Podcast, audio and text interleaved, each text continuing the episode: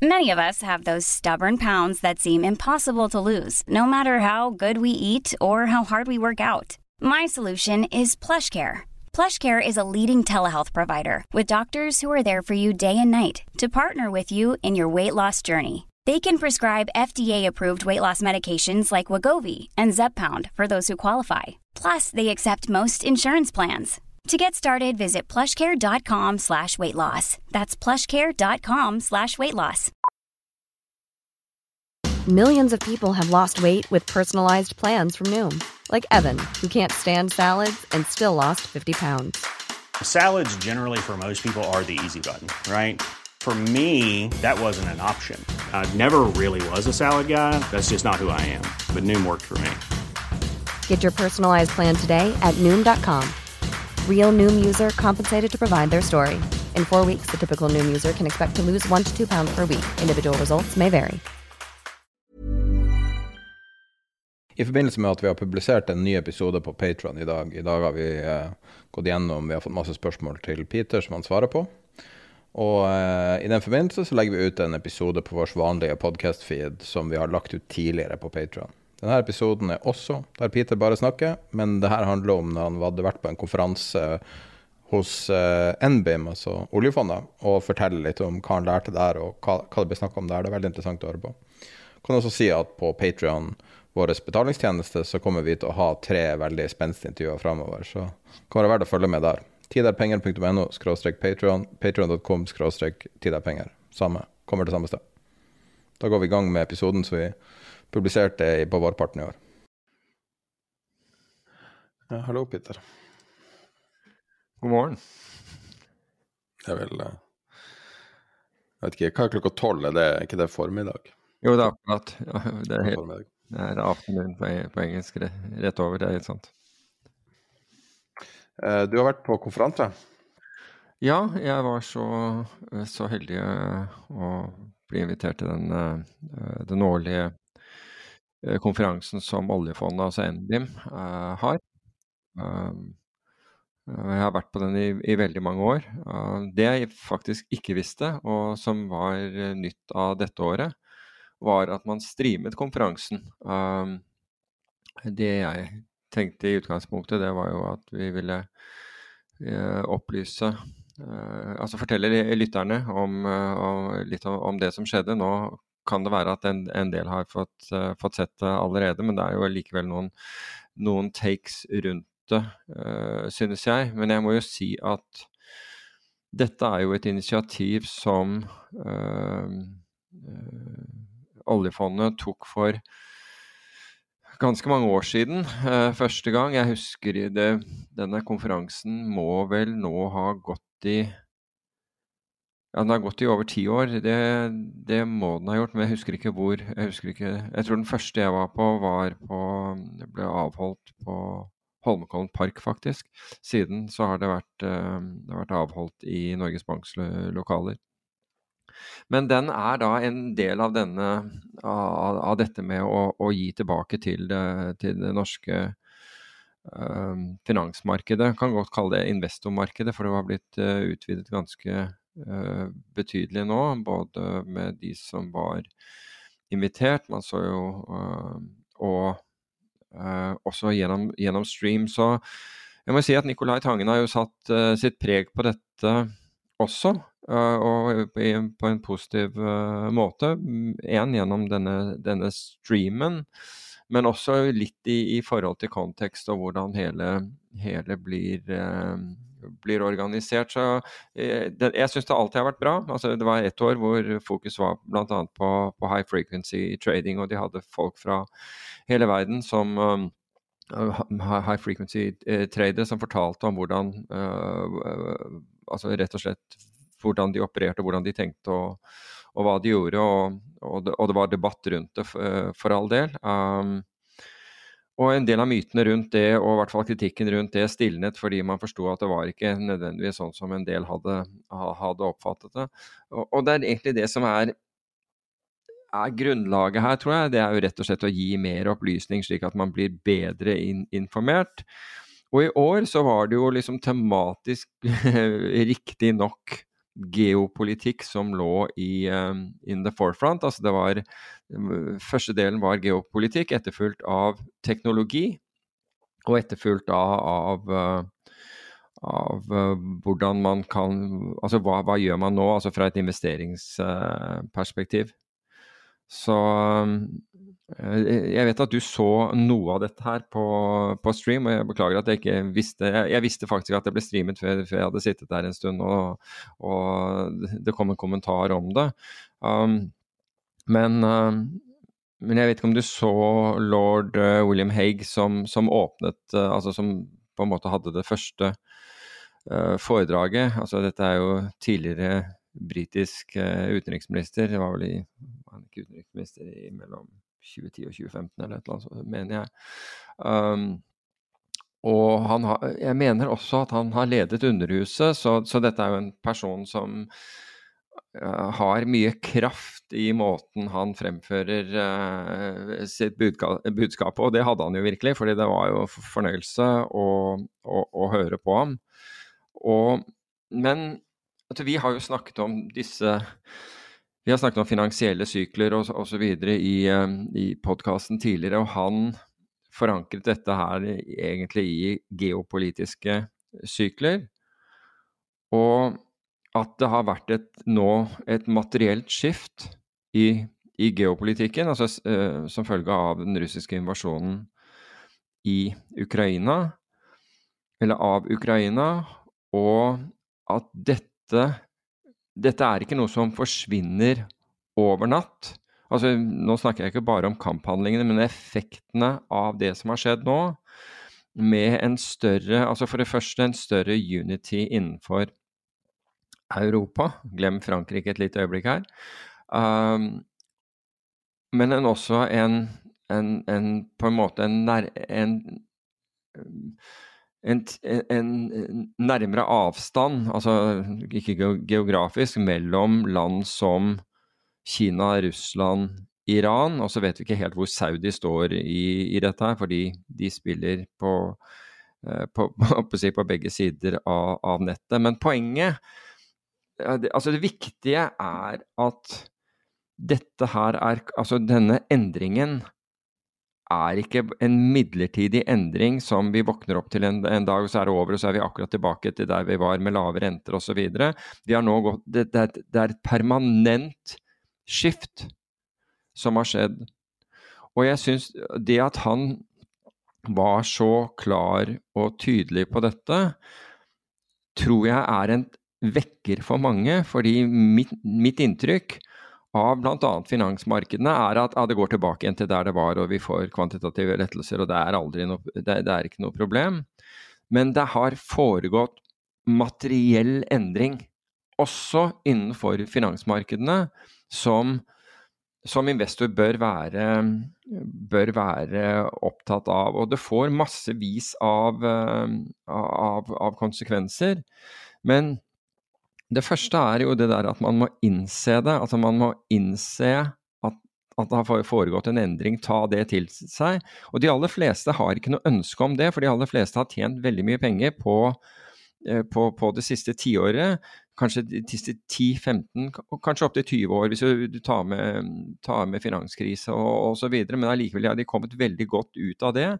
Så de har ikke lyst til å tenke at nå må jeg faktisk tenke nytt og gjøre nytt. Her skapes det for øvrig mm, muligheter for, eh, for, for de som er fremoverlent. Men som Haig sa, at vi må være helt klar på burde kalle han lord Haig, for han er faktisk det. Til, vi må venne oss til høyere, høyere inflasjon.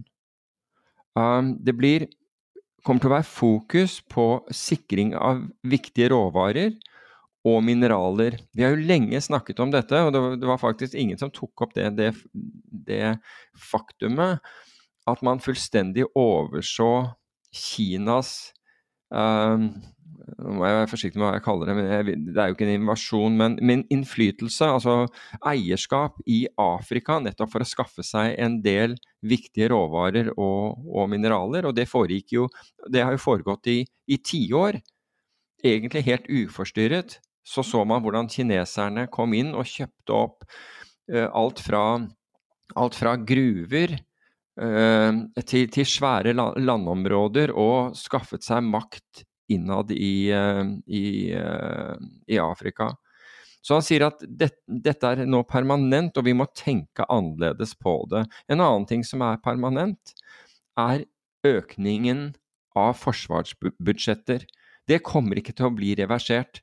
Tvert imot, han tror behovet, nettopp pga. den geopolitiske utviklingen, er at vi vil trenge enda mer enn det vi, gjør, enn, enn det vi på en måte ser for oss i, uh, i øyeblikket. Og Det er klart at det betyr noe.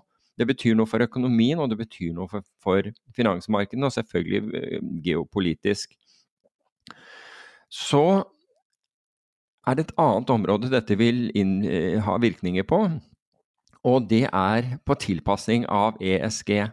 Og et godt eksempel på det var jo at man var i nærheten av å legge ned all fossil eh, eh, fossil brennstoff. Eh, Discoveries, hva heter det på norsk?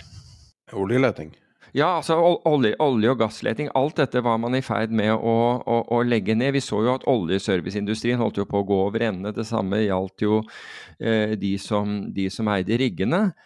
Men den, det som har skjedd i Ukraina, den russiske aggresjonen, er nettopp et vitne, altså, og, og forteller oss om at vi kan ikke Altså her må vi gjøre begge deler. Det ble for øvrig, uh, ble for, for øvrig forsterket av Omflals, sjefen for, uh, for, for, BP, som også var der. Um, at her må vi tilpasse oss. Og Espen Gaarder Haug um, skrev for en uke eller to siden på, på, på Twitter at man, at man må At det å at det vil nærmest være en forbrytelse å nedlegge disse altså f.eks. oljefelt, gassfelt, eh, eh altså fossilt brennstoff, uten at man tok hensyn til og vurderte opsjonsverdien i disse. Nemlig det at det kan holde oss øh, Sørge for øh, energi til til, eh, både til drivstoff, men til, til varme osv.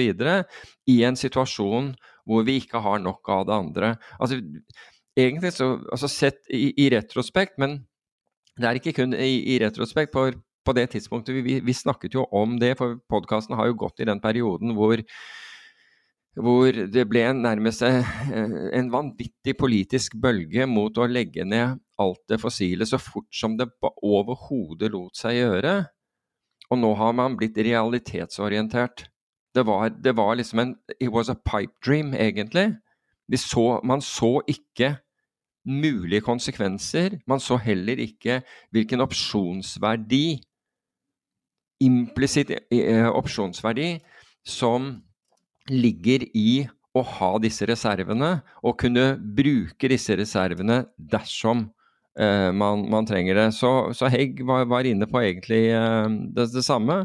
Han snakket om at det blir en dekobling mellom USA og Kina. Allerede har det jo for så vidt eh, Den er jo i gang, kan man, uh, kan man si. Um, og det kommer til å være Det kommer til å stille langt større krav nå til regjeringer, fordi vi egentlig er i en, i en forandringsfase. Vi snakket jo om det senest på, eh, på mandagens podkast, dette med ledere i fred og i, i, tid, og at mye av, av, den regjeringen som er satt sammen nå, er satt sammen i en periode hvor man var, var, hadde hatt lang tid med medvind og, og, og solskinn. Så, ingen, så det, var ikke, det var ikke et, på en måte et krav til å ha uh, kunnskap og, og gode ledere. Eh, lenger. Altså det, det, var mer sånn vi, vi, gir den posisjonen til den politikeren, og den kan få den. Og jeg syns vedkommende er hyggelig og alt det der. Kanskje ikke så satt på, på, på, spissen, men du fikk liksom inntrykk av at det ble utdelt ministerposter på basis av varighet og tid, og, og ikke på basis av nødvendigvis uh, evner. Så han var helt klar på det, at, at den situasjonen, det, de, det tiåret kanskje mer som lå foran oss nå, ville stille langt større krav til, til ledelse fra, fra, regjeringer. Og så var det en ting som var utrolig eh, interessant, og som igjen nører opp om ting som vi har vært opptatt av, og det er at innovasjon blir et statlig ansvar. Altså vi trenger, vi trenger innovasjon, og det kommer til å bli et statlig ansvar. Og med det så, så han, han, hadde en sånn Han så på USA, han sa regjeringen må legge til rette for innovasjon. Altså de må rett og slett bli Altså landet ditt må være attraktivt for innovasjon. Du må, du må gjøre det slik at du tiltrekker deg talenter og kapital. Det vil være nødvendig. Det vil være på en måte en kriterie for at et land overlever i Altså ikke, ikke militært, men overlever både i altså internasjonal konkurranse og klarer å tilpasse seg. Og hvis vi da ser på hva som har skjedd i Norge de siste to årene, så er det jo stikk det motsatte som er blitt gjort. Så det, var, det er utrolig interessant å høre en statsmanns betraktninger om hva som skal til. Det var, ikke, var, var overhodet ikke noen eh, noe kritikk rettet mot norske myndigheter eller hvordan man, man driver her i landet. Den, den konklusjonen må man, man trekke selv. Men, men, det, men jeg syns det var Altså, det er jo rett og slett det motsatte man, man har gjort her. Altså, innovatører tør ikke. Uh, penger blir tilbakeholdt, altså kapitalen kommer ikke inn på, på, på samme måte. Altså, man, er, man, er, usikker fordi det er, det er, eh, det er usikkert, uh, usikre rammevilkår. Man, er, man kan finne på nye ting over natt. Og det gjør jo at talenter rett og slett, de går der hvor de, de får de beste uh, Hvor de kan ha de beste forholdene. Og han sa at USA nailer tre ut av tre her. USA er ekstremt flinke på det, og jeg nevnte jo i en podkast om, om, en norsk gründer som, som flyttet til, som flyttet til amerikanske vestkysten, San Francisco, og, og skulle starte business hvor Eh, første dagen så kommer, plutselig så står det noen i, i, i lokalene hans og, og, og kommer fra, fra kommunen. Og han, og han, tenker med en gang hva har jeg gjort galt nå? Men han fra kommunen han kom der for å, for å yte hjelp. Og rett og slett tilby hjelp. Og det vil jo aldri skje i Norge. Det vil jo aldri skje at noen kommer liksom på døren. 'Du, jeg hører at du har tenkt å starte. Hvordan kan vi hjelpe deg?' Eh, altså, det vil, det vil liksom slå, slå, beina under de, de, de, fleste. Her har man gjort akkurat, uh, akkurat uh, det motsatte. Så det var utrolig interessant å høre disse, den, den taken som, som, han hadde på det. da. Altså jeg, jeg må innrømme at jeg, jeg syns dette her var nå, nå, er vi, nå, er jo vi litt over uh, Eh, litt, litt, over gjennomsnittlig eh, interessert i, eh, i, i, selvfølgelig i finans, og for så vidt også i, i, i geopolitikk. Men her så du da, da samspillet. Og så hadde du hadde Anita Negård, som er, som er, en del av den permanente uh, delegasjonen til Norges permanente delegasjon til, til, Nato. Og jeg tenkte gjennom det hun hun sa i, i, i sitt foredrag, at, nå, at hvor viktig jeg tror det vil bli innenfor finans å ha en forståelse for sammenhengen mellom geopolitikk, sikkerhetspolitikk, teknologi og finans. Jeg tror det kommer til å være så utrolig viktig å kunne disse feltene. Mens hvis du ser til Norge, så er det masse kunnskap om, om, finans, for all del. Men i de samme husene så er det ikke veldig stor forståelse eller kunnskap om geopolitikk og sikkerhetspolitikk. Men det kommer etter hvert til å bli et, et, et viktig et, et, viktig konkurranseparametere. Hun sa at Russland er nå mindre predictable, altså mindre forutsigbare enn noen gang etter, eh, etter eh, andre verdenskrig. Så, vi, så, det er jo Altså for, på det geo- og sikkerhetspolitiske området så tar man det som har skjedd, svært alvorlig. Jeg må jo si at innenfor finansmarkedene så tar man det veldig lite alvorlig. Stort sett fordi det er på en måte ikke et tema. Så det at den NBIM-konferansen bringer dette opp, det eh, tror jeg er, eh, er, absolutt på sin, sin, plass, for da er det vanskeligere etterpå å si at ja, det, det, hvem kunne vite det? Uh, det, var ganske, det var ganske klart. Det som slår meg i dette her, og som, som, jeg, som har, for så vidt har slått meg før, men enda mer nå, det er norsk, uh, norsk energisikkerhet. Altså når du tenker på hvilke utfordringer som, som ligger rundt det, du tenker på den vinteren som vi nettopp har, har, vært igjennom. Den var mild i Europa, og man fikk da gass fra Norge og LNG fra USA og Qatar, og sikkert noe fra, fra Nord-Afrika øh, også. Men det gjorde at Europa klarte seg godt under, under denne vinteren.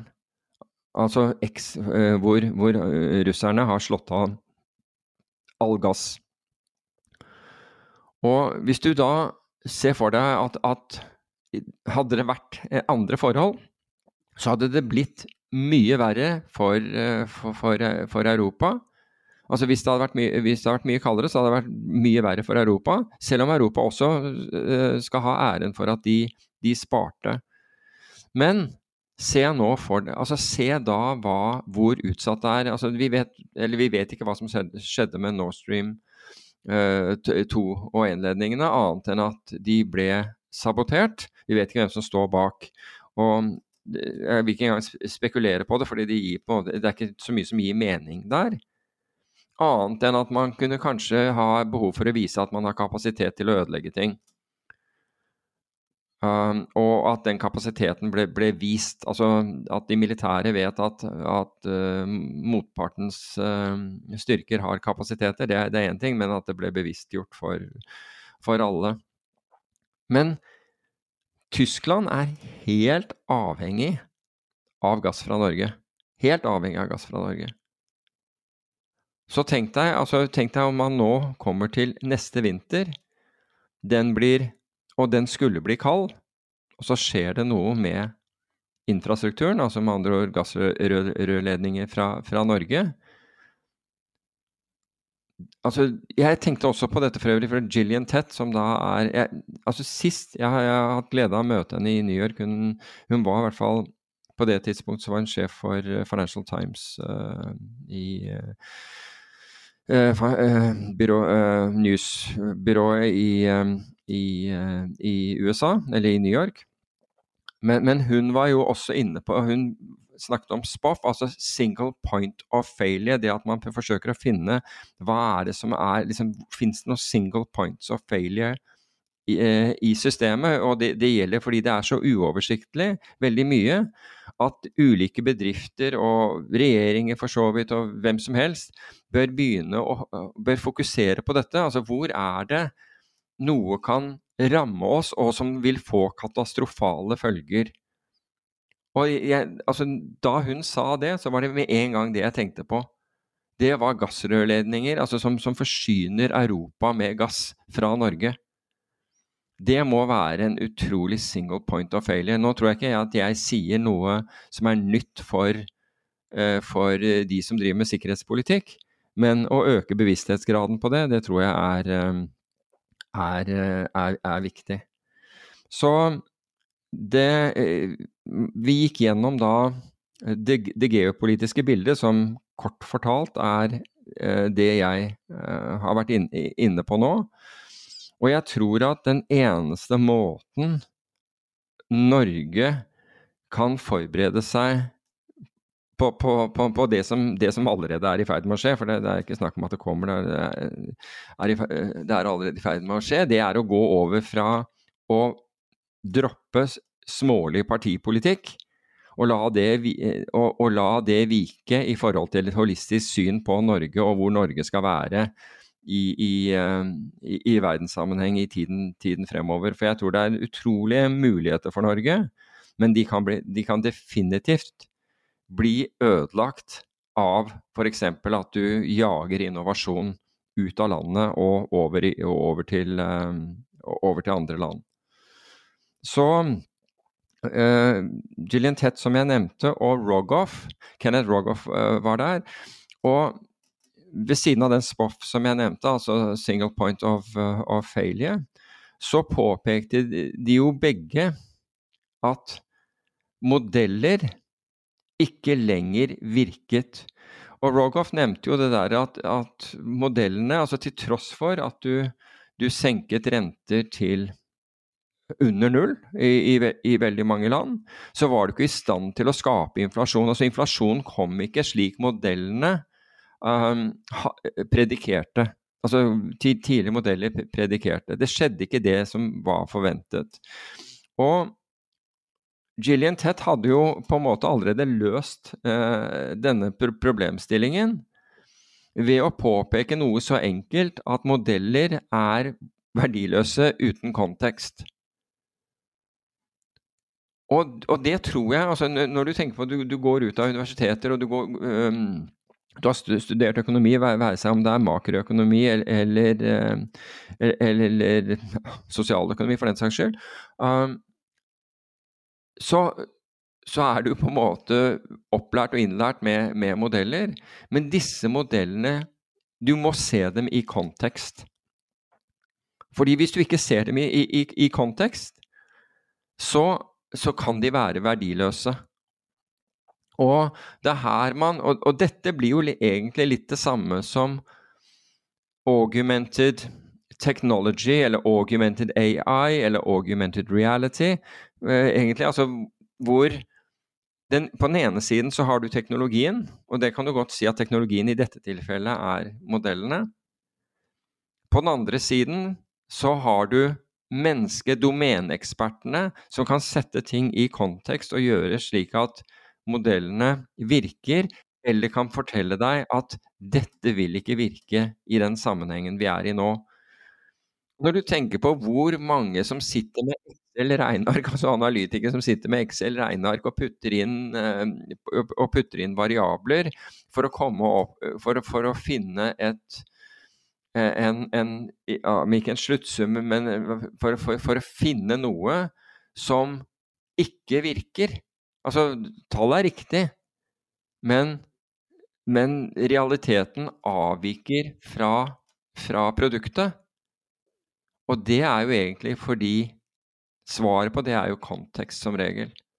Fordi det er, tatt, det er satt i en annen kontekst. Det er andre faktorer som nå har større betydning enn det enn det som har vært i f.eks. Det, det, det foregående tiåret, 10-20 årene. Så i en periode hvor lave renter og sentralbankstimuli dyttet markedene Når du fjerner sentralbankstimuli og rentene begynner å stige, vel da, da skjer det ting. Og det vet vi at det, det skjedde innenfor, innenfor teknologi. Fordi du kunne ikke regne hjem lenger. Det var ikke mulig å regne hjem verdsettelsen av disse selskapene hvis du bare hevet renten så vidt det var. Til tross for det så hadde jo blitt fortalt på forhånd at det kom renteøkninger, men man endret ikke konteksten for regnearkene sine og bare fortsatte med det, og, og folk ble da sittende i, i, i selskaper som kun hadde fremtidig inntjening som var langt, langt fram i tid, og mye usikkerhet i, i, i mellomtiden. Så jeg syns det, eh, det, var interessant. Hun for øvrig, Gillian Tett, dro en uh, hun, hun, sa at hun, hun, hun sammenlignet vel egentlig uh, hun hadde vært i, i Tadsjikistan under et bryllup, og hun, hun, had, hun, er jo antropolog selv, så hun hadde Det slo henne at de tajikiske, tror jeg det heter, bryllupsritualene hadde veldig mye til felles for, for seminarer eh, organisert av, eh, av, investeringsbanker og meglerhus. Uh, henne om det. Men, uh, men jeg syns det, uh, det, var interessant. Så gikk det jo da på, på teknologi som jeg nevnte, altså selvfølgelig AI og, og disse forandringene som skjer, og også de, noen av de negative sidene ved, ved det. altså Deepfake ble ikke nevnt der, men det er jo en av dem. altså Det er jo mange andre ting som, som altså Hvis vi er helt ukritiske til det som foregår, som, som rett og slett kan, kan, føre galt av sted. Men, de, men konklusjonen syns jeg var, var, egentlig to ting. Den ene gikk på, eh, på, på datachips. Hvor utrolig sårbare vi er i forhold til eh, land som kan, eh, som kan lage eh, halvledere, og hvor 92 av, av, av en type halvledere 92% av verdensforbruket kommer fra Taiwan, og vi vet jo den situasjonen mellom Taiwan og, og Kina. Så den sårbarheten som, som ligger i det, er, er enorm. Pluss at det er jo ganske få maskiner rundt omkring i verden som er i stand til å lage de mest presise og nøyaktige eh, mikrochipene. Altså, det ligger i kvaliteten og selvfølgelig funksjonaliteten på, på disse. og Nederland var, var, en av dem, men det er, det er relativt konsentrert hvor, hvor, dette foregår. og det er klart at det, Når vi vet vår avhengighet av teknologi i dag, og ikke minst altså når, vi nå går til eh, når vi mer og mer går til AI, altså, så er det jo et spørsmål altså det, er, det er helt klart det er jo et varsel at dette er på så få hender som det er i dag, eller så få nasjoner, om du vil. Altså Ikke det at jeg mener at Nederland, at det er noe galt med, med, med Nederland. Og så er det det andre som ble påpekt, det er datasettene altså eierskap over datasettene. Så det er tydelig at nå har man jo jaget opp priser på er det Nvidia uh, sine brikker og sånn som, som, er i stand til å, å, å håndtere AI bedre enn H100 selges på ja. eBay, men, men, det er ikke så overprisa. 10, 10 over uh, markedspris. Ok, men, men altså, så, så, det er jo en, en, del av det. Men datasettene blir også Fordi når du har all verdens kunnskap, så blir den unike kunnskapen selvfølgelig veldig mye mer verdifull. Altså, det var jo det jeg snakka om på mandagen. med nettopp. at uh, dem som eier datasettene, har begynt å lisensiere det ut nå. altså Har laga egne lisensordninger for, uh, for AI. Ja. Så og, og, det i seg selv, altså den, den fokusen der av datasett Altså, jeg vet jo allerede, fordi eh, jeg har også investert i et selskap, har vært det i mange år, som, uh, som er AI-drevet. Og, og, hele tiden trenger og, og, du kan bruke hvilken som helst type datasett, eller du må jo kjøpe datasettene for at du skal da få noe meningsfullt ut av det. Dette er i forbindelse med, uh, med, med finans og, med hensyn til å, å, å predikere utvikling. Men datasettene blir rett og slett mer og mer verdifulle. Altså det, det mer disse uh, AI-ene klarer å fange opp av generisk informasjon, så blir den, den, den, spissede informasjonen, den unike informasjonen, den kommer til å bli mer og mer verdifull. Det er jo egentlig det, det du, du, har sagt. Men, uh, men det kommer til altså Det ene kommer til å være en commodity, og det andre kommer, kommer til å være gullstøv, tenker jeg. hvis du, Og så er det jo da om man har gode nok, uh, gode nok data, datasett. Uh, Bernard Looney, da, i, som var i en uh, diskusjon med, med Yngve Slyngstad, eller debatt, eller hva, hva, du kaller det, eller intervjuet, hva kan man jo si. Altså han, han hadde jo på en måte en statement som som er ganske Kanskje jeg, jeg, vil ikke si den er selvsagt, den er selvsagt når du hører den. Um, uh, men, men uh, either way, altså han sier war, war, altså krig, reveals and accelerates. Altså den avslører, den avslører dine svakheter, f.eks. energisvakhetene. Um, er, et godt eksempel på det. Tyskland, um, det beste eksempelet. Men, den, men i tillegg så vil den akselerere endringer. Så gjennom Altså det er mye som skjer. Det er en voldsom dynamikk som skjer uh, når, når, når, det er krig. Og det var jo for så vidt interessant. Hva var det, hva var det Haig sa? For han hadde også et, et brukbart uttrykk Altså Han mente jo for øvrig, Haig mente at det var, var to ting fremover. Det var AI og, og klimaendring. Det var de to liksom, viktigste tingene. Men, men han sa at fremgang er en kombinasjon av spenning og frykt. Og eh, det tror jeg er riktig. Han brukte en analogi hvor du satt på toppen av en Apollo-rakett. Nå er det vel ikke de i service nå lenger, men, men, det er klart den gangen og det begynte å buldre under deg og du skulle til månen eller, eller hvor du skulle, så, så, så, tror jeg nok du opplevde både, både, spenning og frykt. Men spenning og frykt må til for, for eh, altså, Da vet du på en måte at du er i ferd med å, å å, å gjøre noe banebrytende. Og, og, det var jo definitivt for, for de første som satte seg på, på, på, på, toppen av noen kilotonn med sprengstoff og sa 'fyr opp, gutter'. Uh, ut, utvilsomt. Helt sånn avslutningsvis så var det jo, uh, så var det jo Stan Druckenmiller da, som, uh, som Nicolai Tangen utspurte, eller stilte spørsmål til. Og Altså her har du en investor som har holdt på i 45 år. Uh, han har, har, aldri hatt et tapende år. Han, han har etter FIS så hadde, leverte han, altså dette er jo en av verdens mest kjente hedgefondforvaltere, så leverte han 30% annualisert avkastning til, til, sine investorer. Og han sa at han hadde mange år med 0-5% men så hadde han noen hvor han tjente 50 hvor fondet tjente 50-60% og det compounded, altså den, den store, Men han sa altså det viktige var jo å unngå tapene. Det var jo det aller viktigste. Og der gjorde jo uh, Nicolai Tangen det samme som du gjorde med meg for, et par, par, episoder siden, hvor du sa 'gun to your head', hva, hva, hva tror du om aksjemarkedet?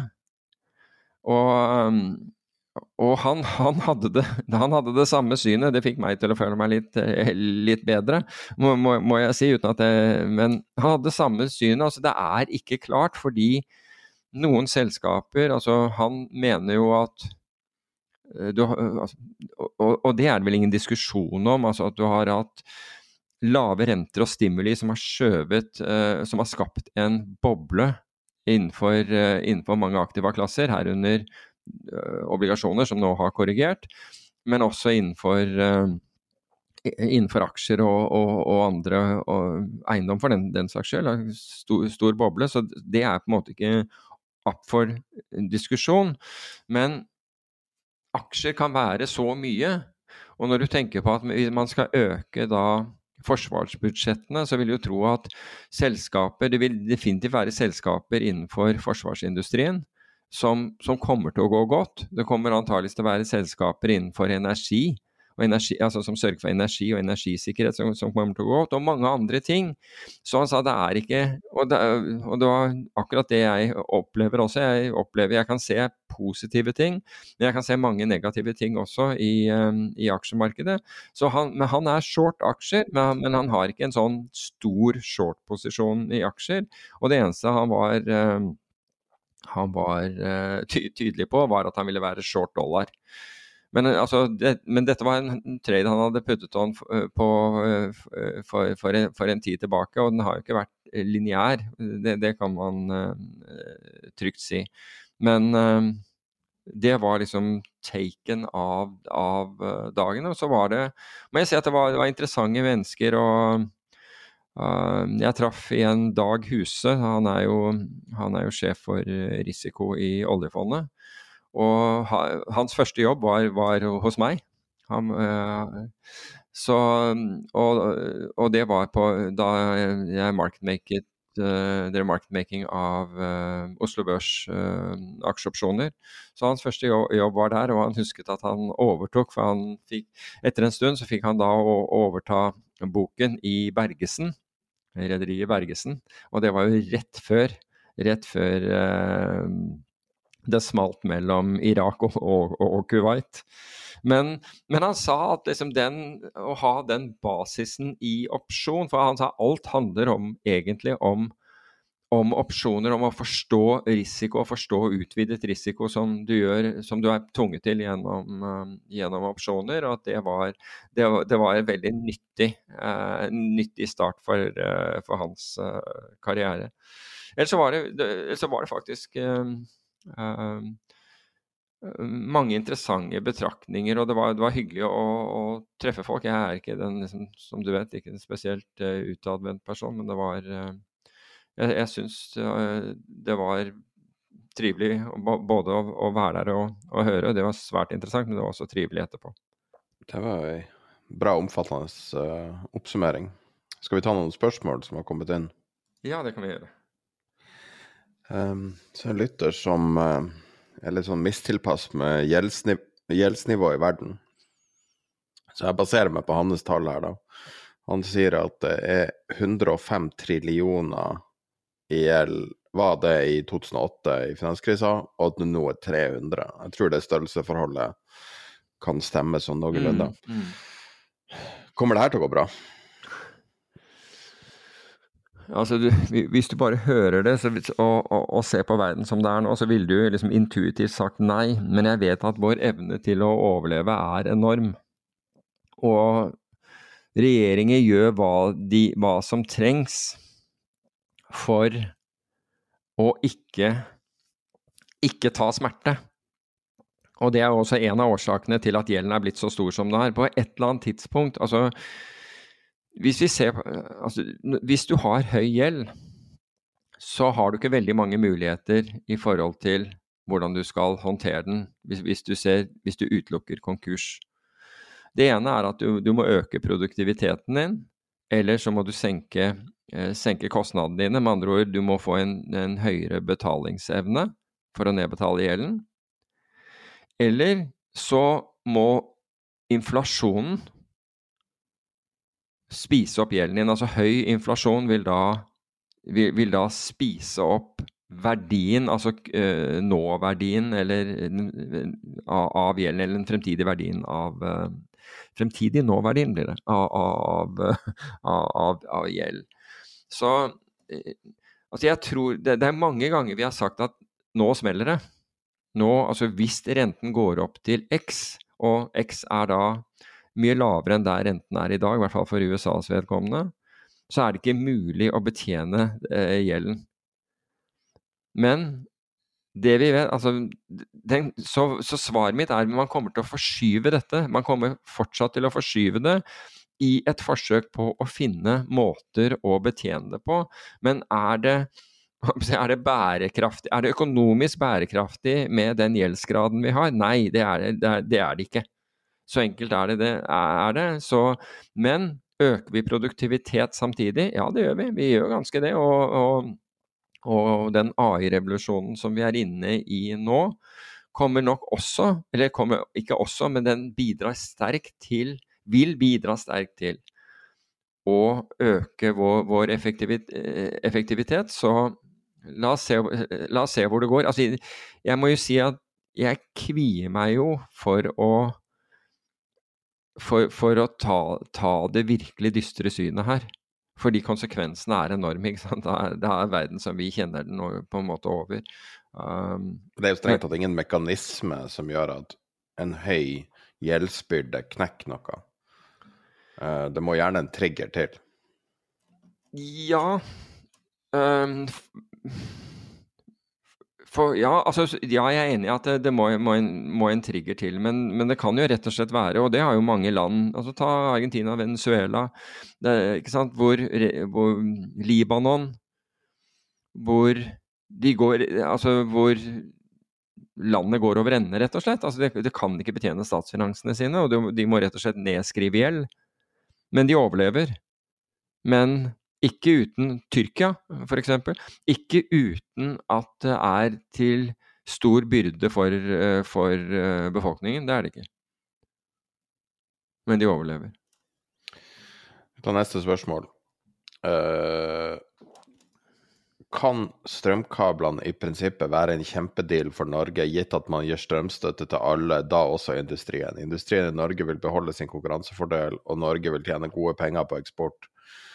Eh, det vil selvfølgelig si at staten må dele mer av overskuddet enn i dag.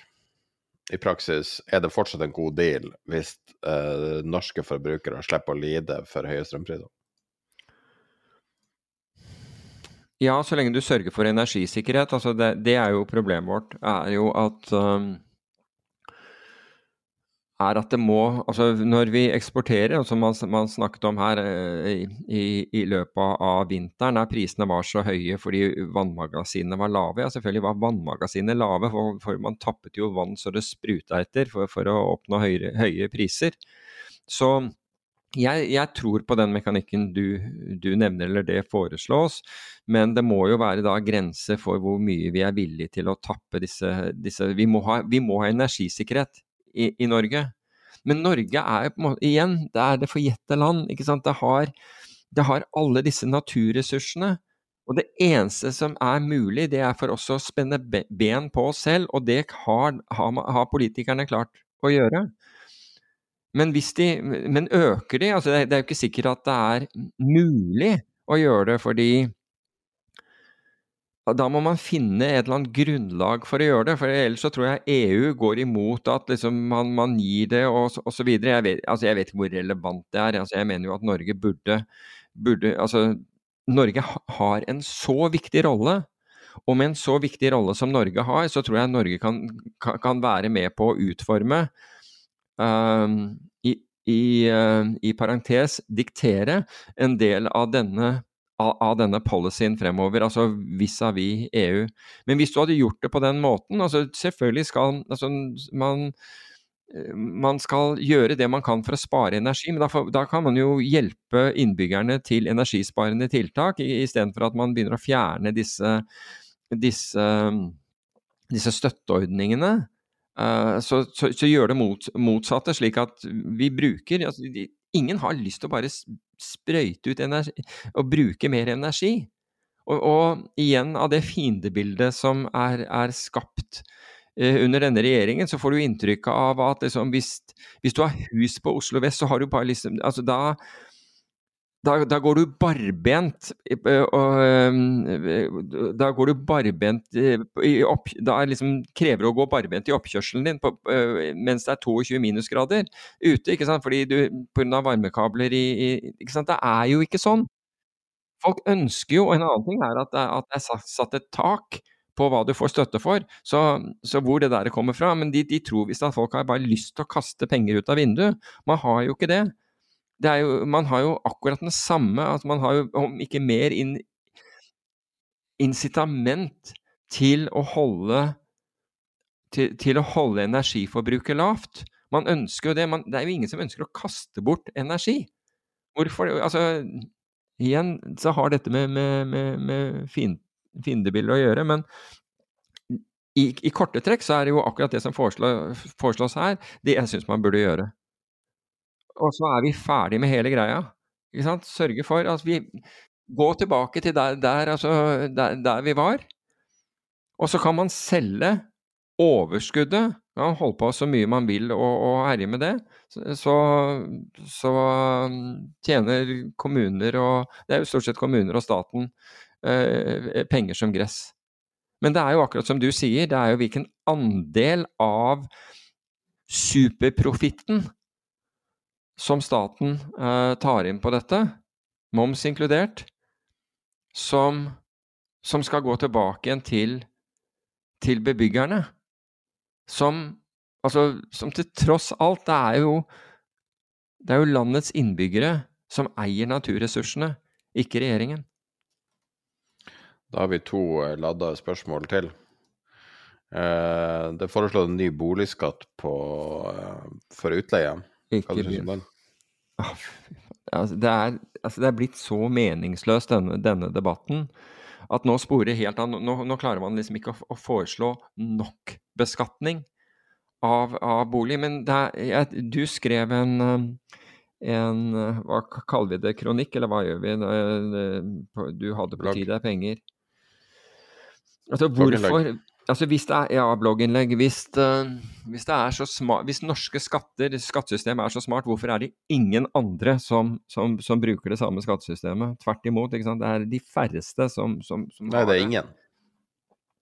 Så det er ingen som har kopiert det norske systemet? Jeg, jeg så nå, uh, apropos det der, så så jeg noen som da måtte ville betale 5,3 millioner kroner i år eller noe sånt nå, uh, i skatter for, for en hytte vedkommende var pensjonist. Altså det, er jo, det er jo slik at det er jo kun de mest altså Sånn som man legger opp til nå, så blir det kun de aller mest velstående som kan bo uh, som, som, kan bo visse steder. Fordi det er jo dyrere uh, å bo i, i, Oslo, og dyrere deler av Oslo er dyrere enn andre, men det vil bare være lite lite få, fåtall mennesker som kan gjøre det. De som har vokst opp og, og i, i boligen sine blitt pensjonister, de kan du bare glemme. Jeg, jeg lurer på hvilke bomberom man finner til, til, til, til, dem. For de kommer aldri til å ha råd til å betale disse, eh, disse, disse skattene. Og så, og så, legges det på at, at altså du, du, betaler for en bolig. Du betaler for, for vedlikeholdet av boligen, som kan være betydelig hvis, hvis, den er noen år gammel. Det skal du ikke få fradrag for, men, skal, men det skal koste deg alle disse vedlikehold, det skal koste deg, det skal koste deg da eh, rente på lån og, og, og, den biten der. Og, og, så skal du i tillegg beskattes for at du bor i din egen bolig fordi du ikke leier den ut. Så, hvor, hvor er det det her kommer fra? Altså, det er bare helt utrolig. Altså, og så finner man en logikk i det, fordi man får fradrag for, for uh, Fordi de som leier, de får ikke noe fradrag. Og så får man fradrag for, for renter på, på, på, på, boliglån. Altså, kutt ut, kutt ut rentefradraget, da. Men da, da, senker vi i hvert fall boligpriser. Kutt nå ut det der rentefradraget hvis det er det, det om å gjøre, men ikke Altså folk som da har nedbetalt sin bolig, for de har jobbet hele livet, betalt skatt på inntekten sin, og brukt da de sparepengene sine til å nedbetale boligen sin. Når de da endelig får en sjanse, blir pensjonister og, og, og, og, kan på en måte sette seg ned og kanskje nyte dette, så får de beskjed om at nå hever vi skattene så, så du er tvunget til å selge og flytte til og, og, og, flytte i et i en leilighet et eller annet sted. Altså, det er Det er så historieløst, og så virker på meg smålig, da. Det er jo ikke jeg, jeg vet ikke. Jeg, jeg mener jeg kunne I could rant about this for hours. La oss ikke gjøre det. Vi tar siste spørsmål, da. Kom igjen. Uh, fortsett i samme trend. Det er et tema mange er opptatt av. Uh, Dette er for så vidt et spørsmål som, som jeg er litt interessert i sjøl også. Hva er grunnen til at folk flytter fra Norge akkurat nå? Hvordan skatt, implisitt at det er skatt som er årsaken, uh, var dråpen? Jeg tror jo at uh, det er jo Jeg tror det er to. Altså det er formuesskatten. Og så er det også, også, eiendomsskatten. Og du kan si at de som flytter, er, de ser jo rett og slett på Altså, det, dette er folk som da kanskje tar ut moderat lønn fra, fra uh, sine bedrifter, la, og den strekker ikke til for å betale Og så, og, og så er det oppjustering av formuesverdier, for all del. Det betyr veldig mye. Ja, for det er den faktoren her. Har du oversikt over det? Nei, jeg, jeg sitter ikke med noe oversikt foran meg, men, men, men, men du har jo Nei, men liksom... altså hva det er, hvordan de her tingene spiller mot hverandre? Um, ja, det gjør, det, det har jo vært en endring med hvordan man evaluerer hva formue er også, er det ikke det? Ja, og det gjør jo også at selv om formuesskatten eh, har vært høyere tidligere, så har grunnlaget vært så mye lavere. Slik at selv om du, som de nå sier at vi hadde høyere formuesskatt tidligere, men grunnlaget er så mye høyere at, at skatten blir vesentlig, og da mener jeg vesentlig større. Så for en bedriftseier, da, så er du da nødt til å Så sier du at ok, lønnen min eh, betaler ikke at Tidligere så var det sånn at du ikke kunne betale mer enn 100 eh, av, av lønnen din i skatt. Eller det var 80 %-regel ble, ble, satt inn eh, etter at, eh, etter at viste at man kunne betale mer. Så ble det satt inn en 80 %-regel. Så uansett så betalte du ikke mer enn 80% av lønnen din i skatt. Men det er borte nå, totalt. Så lønnen din, går, lønnen din, dekker ikke skattekravet. Og husk på, du skal ha forskuddsskatt også, ikke sant. Du har ikke engang tjent pengene, så må du drive og betale skatt. Det er også fint. Snakk om likviditet. Hvor skal du ta den fra? Du må liksom låne de pengene et eller annet sted for at du skal kunne betale det, fordi du har ikke tjent dem enda. Du har ikke fått det i lønn, men likevel skal du betale forskuddsskatt. Så, så, alternativet da er at man, hvis man er bedriftseier da, eller, eller eier eh, aksjer, det, i, eller er en av hovedeierne i en bedrift, det er at du, at du tar ut at, at det blir utbytte i bedriften, slik at du kan betale skatt.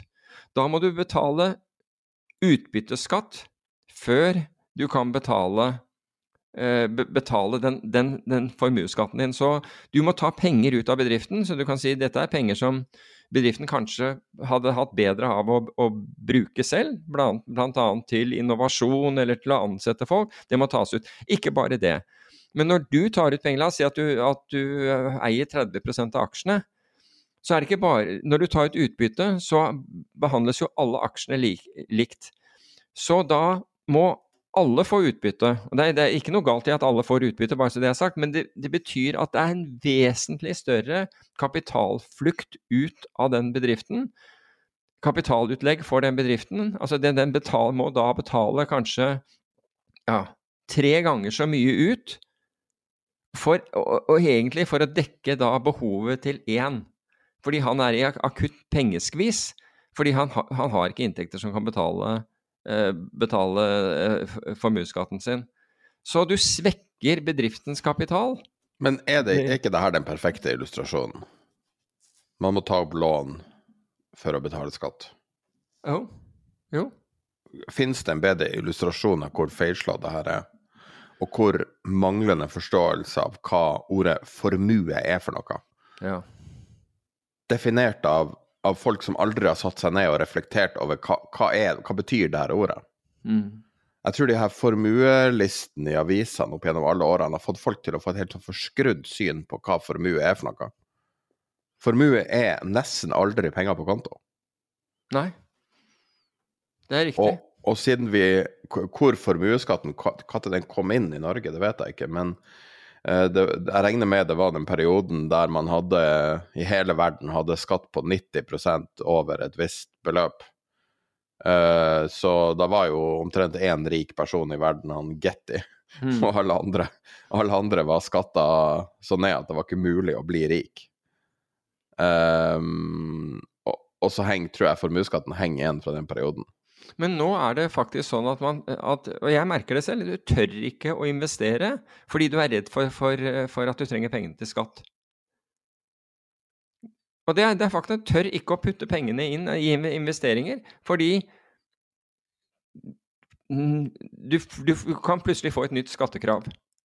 Og hva gjør du da? Har du investert i en eller annen illikvid, altså en ny bedrift eller hva som helst, så får du ikke de pengene ut igjen. ikke sant? Altså, de, de blir jo satt i verk eh, i, i, altså enten til å kjøpe maskiner eller leie lokaler eller ansette mennesker. Så får, det er ikke sånn at du kan få de ut på, på dagen. Og Den bedriften kan jo i tillegg den kan jo gå i underskudd i mange år, men allikevel så må jeg komme og si du, kan vi ta noe utbytte her? For jeg får ikke betalt skatten min. Jeg, jeg, har ikke penger til skatt. Og det gjør jo at du, at du heller vil At du har penger på konto som du ellers ville investert. Er det bedre? Er det samfunnsmessig bedre at vi sitter med pengene på en konto istedenfor å investere dem i nyskapning? Tilbake til det som lord Haig sa om, om, om å tilrettelegge for, for innovasjon, skaffe talenter og kapital. Det er jo det motsatte vi gjør her. Nei, altså Jeg skulle har, gjerne det... sett Støres kommentar på Haigs, uh, Haigs utspill. Nei, altså det... Folk som er langt til høyre i politiske spektra, har på en måte ødelagt ordet kommunist. For de har kalt alt kommunisme. Men det vi ser nå, er steget i retning av reell kommunisme. Ja, staten skal alt. Alt skal innom staten. Alt Alt skal reguleres av staten, alt skal eies av staten. Staten vet mye bedre enn noen andre om hvordan de skal skape penger. Hvordan de skal tjene penger. Og den skal bestemme at, at du får ikke bo der hvis det ikke sant? Altså, det er bare noen få som skal ha de gledene. Og det var det Øystein Spetalen som, som viste eh, hvordan, hvordan pensjonene, altså hvordan øh, politikerne fikk bygget opp pensjon uten å betale skatt for den, som, som andre måtte, må, må betale.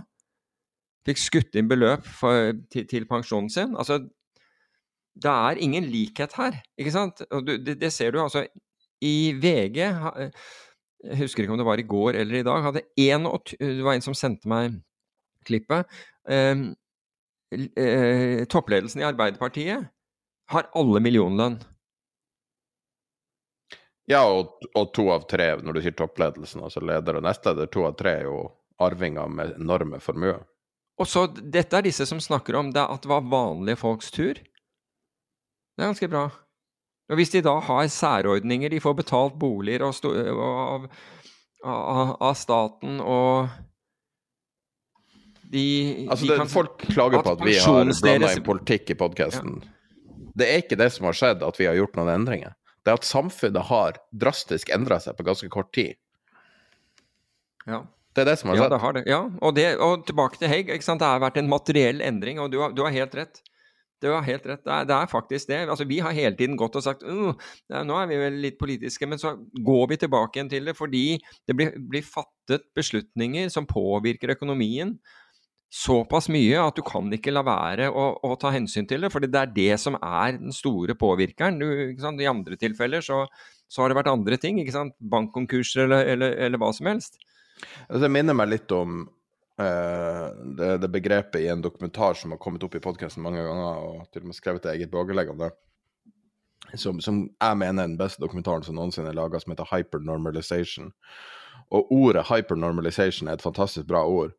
Eh, som betyr Altså som, som ble laga i, uh, i Sovjet, der det betydde at Altså På den ene sida så hadde du det du opplevde i samfunnet, som var at det var, det var veldig hardt å være russer da.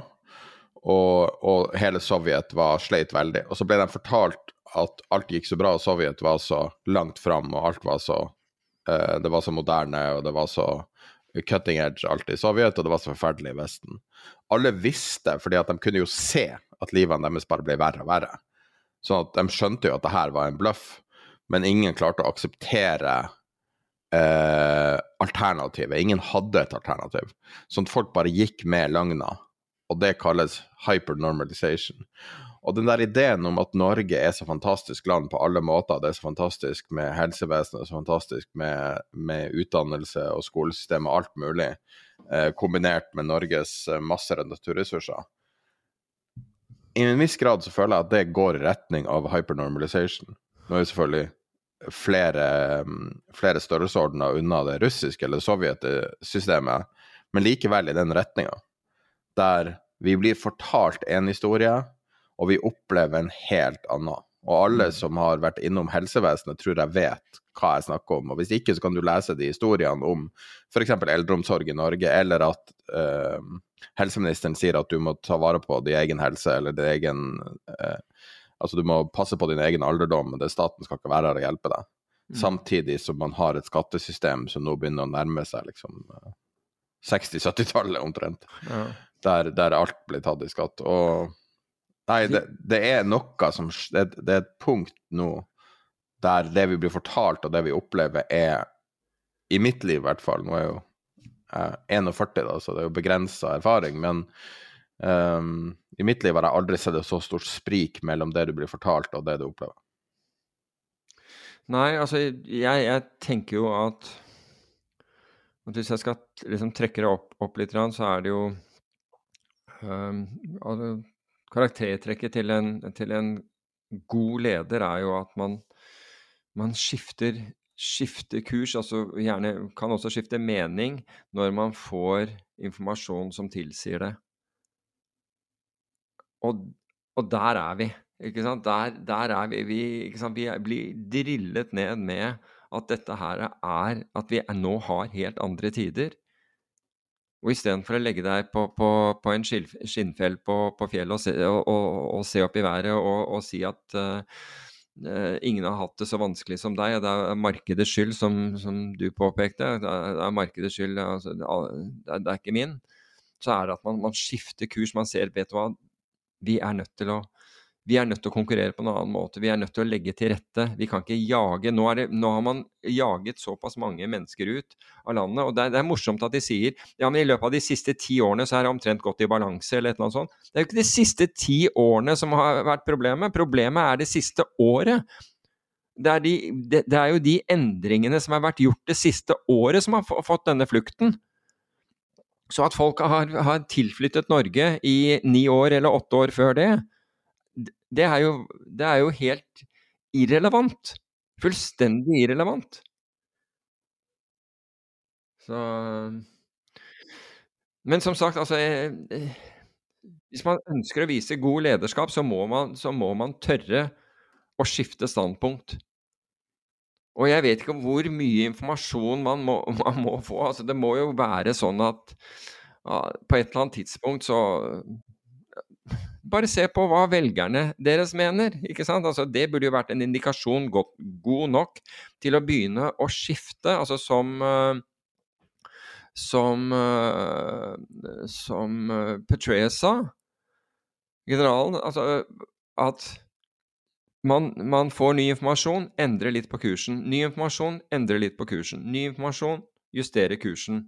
Istedenfor å holde den kursen på tross av alt, alt det som er av informasjon. Og, og Gillian Tett hadde, hadde egentlig en, en, god analogi der også, for, fordi hun sa at og, og dette, med, dette, var i forhold til modellene, men det, det at liksom modeller trenger kontekst. Og hun sa du kan ha det beste teknologien, altså du kan ha det beste kompasset. Men hvis du går i en skog, og du stoler bare på kompasset, du ser bare på, på det kompasset, så kommer du til å gå rett inn i et tre. Hvis du, har, hvis du, ikke har, forstått konteksten at nå befinner du deg inni en skog. Og det er, ikke, det er ikke kompassets feil, det er fordi du ser ting ut av kontekst. Og det er på tide at man ser ting i kontekst, rett og slett. Så er du bullish, Peter? Bullish på, på Altså, endring skaper muligheter. Så sånn, sånn sett er jeg, er, jeg, eh, er jeg bullish. Men det krever jo det krever ledelse. Det krever kunnskap om endringsledelse. Du er veldig langt unna nå, jeg hører det nesten ikke. Ja, jeg er rett oppe i mikrofonen, jeg, faktisk. Ah, ja. Det krever kunnskap om, om endringsledelse for, for, at man skal Altså, du kan si ledere må lede.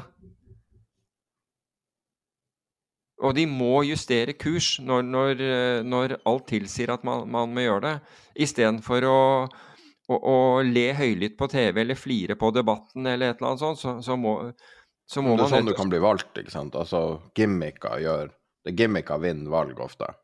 Ikke ofte, men gimmicker kan vinne valg. Du kan okay. vinne stemmer på å være likende og sånn. Men det er jo det å regjere som er vanskelig. Alltid. Ja, altså jeg, jeg tror jo at man Jeg tror at man Altså jeg tror veldig mange, og det, det tyder jo meningsmålingene på, at flertallet ser at dette her går galt av sted. Og da bør jo lederskapet De burde jo være egentlig i forefront av dette her, og ikke på etterskudd. Men det vil uansett stå respekt av at man endrer kurs når man ser at det går galt. Så enkelt er det. Det er kommet inn litt uh, interessante meldinger nå mens vi snakker. Det tikker jo og går på diverse terminaler her. Uh, to ting som jeg tenkte jeg kanskje jeg skulle påpeke deg, bare for å få din umiddelbare reaksjon. De siste 42 dagene på rad har havtemperaturen vært all time high. Um, og når du ser grafen her Ja, eller hva du syns? Uh, vi er i et år der vi venter høy overflatetemperatur. Og det er hetebølge på vei til Spania, det er hetebølge i Thailand nå. Uh, sukkerprisene er opp 100 og noe prosent. Altså mest basisvare som finnes, omtrent, dobler seg i pris. Og så ser du nå, så tidlig på året, begynner vi å se hint av varmerekord.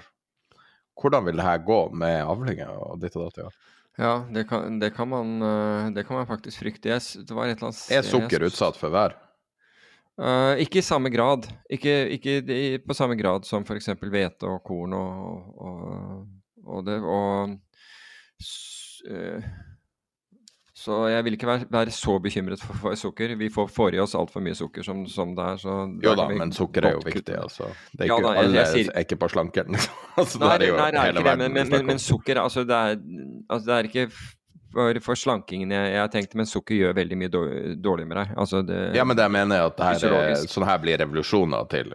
Altså, ja, ja, ja, ja, ja. Når man begynner så, å se at sukkerprisen er dobla, og du tenker på implikasjonene det her har for alle mulige slags Men det var som lord Haig sa, altså klimaproblemet, det var liksom Det var Det, det, det var, det var det, det, var det andre av to. altså Det ene er AI, og det andre er, er klimautfordringer. En annen er artig en fra din Jeg vet jo at du er veldig stor fan av han, så jeg vet ikke om det er dumt å bringe han opp. Joe Weisenthal.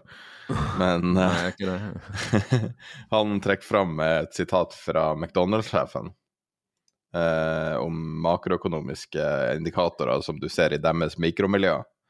Og han sier at eh, de ser at å legge til ting på bestillingen per transaksjon, altså snittransaksjonen i enheter går litt ned. Så at folk eh, kjenner både inflasjonspresset og presset andre steder, sånn at f.eks. de legger ikke til pommes frites der de ville ha gjort det. Mm -hmm. De kjøper én færre ting i forhold til hva de ville ha gjort. Ja. Er ikke det et interessant datapunkt? Jo, absolutt. Absolutt. For der, for da, altså McDonald's er jo på en måte på ytterste delen av spekteret. Ja. Den billigste maten som finnes. Og er, har alltid vært en sånn i dårlige tider så kan McDonald's gjøre det bra fordi at folk bare må spise et eller annet sted, og McDonald's er alltid billig. Ja. Jeg syns det var interessant. Jo, jeg, jeg, er enig. Og det er ett av mange datapunkter, sånn som dette med, med av vare på, på, frukt og grønt og er i, i butikkene. Har du fått er, mer eh, bekreftelse på det? Ja. Er det riktig? Ja, altså du, Bredt har jeg sett det. Bredt har jeg, har jeg sett at folk, folk sier det, det, de opplever akkurat det samme.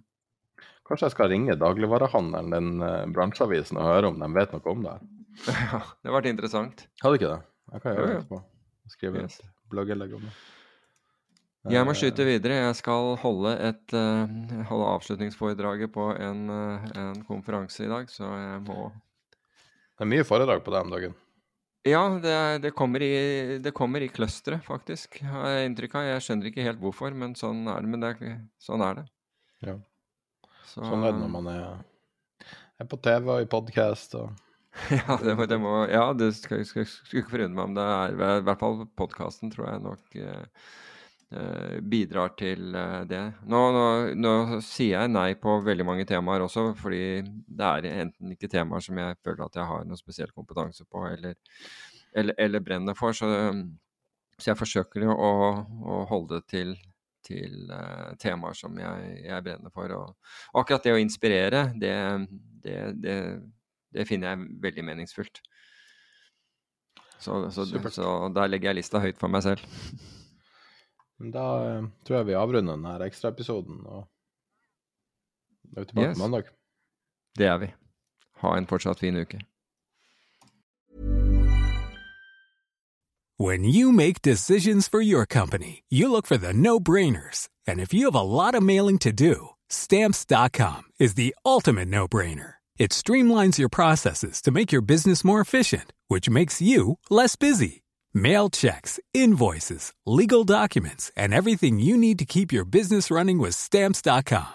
Seamlessly connect with every major marketplace and shopping cart Schedule package pickups and see your cheapest and fastest shipping options from different carriers with rates up to 89% off USPS and UPS rates. And with the Stamps.com mobile app, you can take care of mailing and shipping wherever you are. Make the same no-brainer decision as over 1 million other businesses with Stamps.com. Sign up with code PROGRAM for a four-week trial, plus free postage and a free digital scale. No long-term commitments or contracts. That's stamps.com.